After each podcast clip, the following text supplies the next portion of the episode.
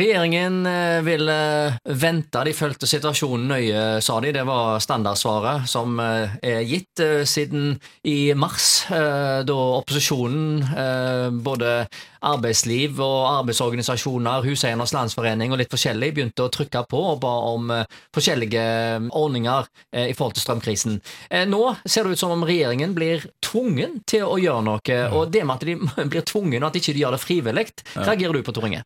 Ja, det er helt klart. Det er rett og slett pinlig at de nå altså Først nå eh, tar de også kommer i retrett. Nå sier de at nå skal de ta oss og eh, komme næringslivet òg i eh, møte. og De sier òg at fra 1.9 så skal vi da få en mer gunstig ordning. At vi får altså 90 eh, støtte til eh, strømpriser på, som er over 70 øre.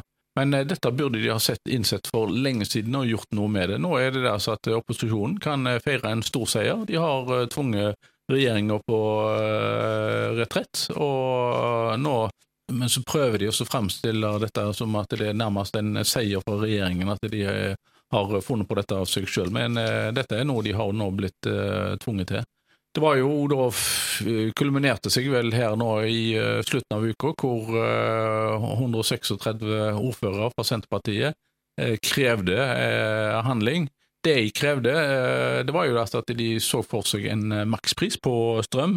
Det ble vel nevnt en 50 øre bør være makspris på strøm, og det, det syns jeg er holdt på å si, et rimelig krav. 50 øre det, det skal man ta også kunne leve med, selv om altså produksjonskostnaden på strøm i dag er 10 øre. Så, men å betale 50 øre for strøm, det er greit. Men i alle fall, så eh, denne ordningen de har eh, innført nå, den har de da blitt uh, tvunget til. Og det er etter min mening litt klossete at de har kommet i en sånn en situasjon. Jeg syns at det er skremmende at en ikke har tatt inn over seg problemstillingen for små og mellomstore bedrifter. Du har husholdninger som har hatt en strømstøtteordning en stund nå, som ser ut til å fungere greit. De fleste har vel merka på strømregningene sine at den har blitt moderert kraftig kraftig. Eh, når det gjelder store virksomheter, så har de hatt eh, fastprisavtaler med strømselskapene og har dermed ikke merka denne belastningen. Men små og mellomstore bedrifter som går på spotpris, har jo fått dette midt i fleisen. Spesielt mm. i eh, Sørvest-Norge, hvor strømprisene med utenlandskabler er definitivt høyest i landet. Det dobler av Oslo og Bergen eksempelvis. Opptil 400 ganger mer enn nord i landet. Det er jo det er noe galt med hele forvaltningen av norske vannkraftressurser, mener jeg. Ingen tvil om det. Så eh, de burde ha Jeg greier ikke helt å forstå hvorfor ikke eh, små og mellomstore bedrifter skulle fått en eh, ordning som da husholdningene har fått, med hvor de får Burde vært akkurat det samme? De burde gjort det akkurat det samme. Det som de nå òg sier, som er virkelig litt farlig, det er jo altså at de skal nå på ny se på dette, her, bruke litt tid å vurdere, og så begynner de å antyde at det er da de store bedriftene som da ikke har inngått strømavtaler, som skal få denne ordningen.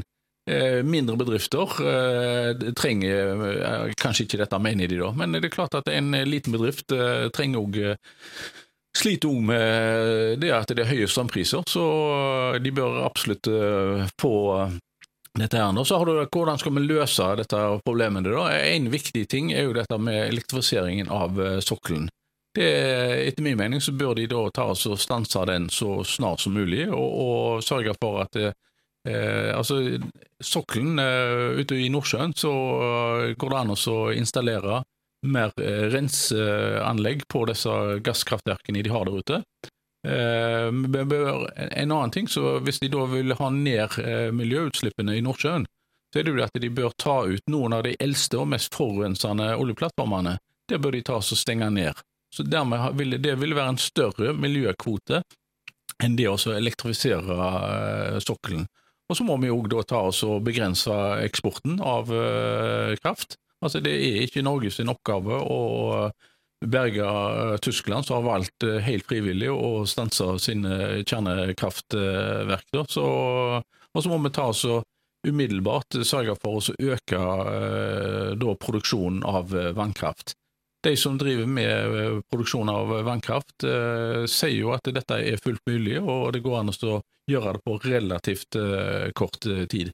Noen inngrep uh, vil det bli, men det må vi tåle. Det er mindre inngrep enn det vi vil se hvis vi får masse vindmøller på land. da. Denne her utredningen som regjeringen har satt i gang i forhold til strømstøtteordninger, den er jo ikke ferdig før i desember. Så mm. regjeringen vil i utgangspunktet vente til neste år da, med å innføre ja. noe strømstøtte, men det går jo ikke. Ja, så Hadde ikke opposisjonen trykt på her, så hadde det ikke blitt gjort noen ting. Det er jo det, det, det regjeringen har vært veldig flinke til, det er også å utrede ting. Og, altså, allerede i fjor høst så så en jo at dette ville være problemer. og eh, da sa de jo at ja, man skal utrede dette. her, Nå kommer tilbake med en, eh, De satte ned en kommisjon, og så skal de finne ut hvordan dette gjør. Men det er det ordtaket altså at ja. mens gresset gror, så dør kua. da.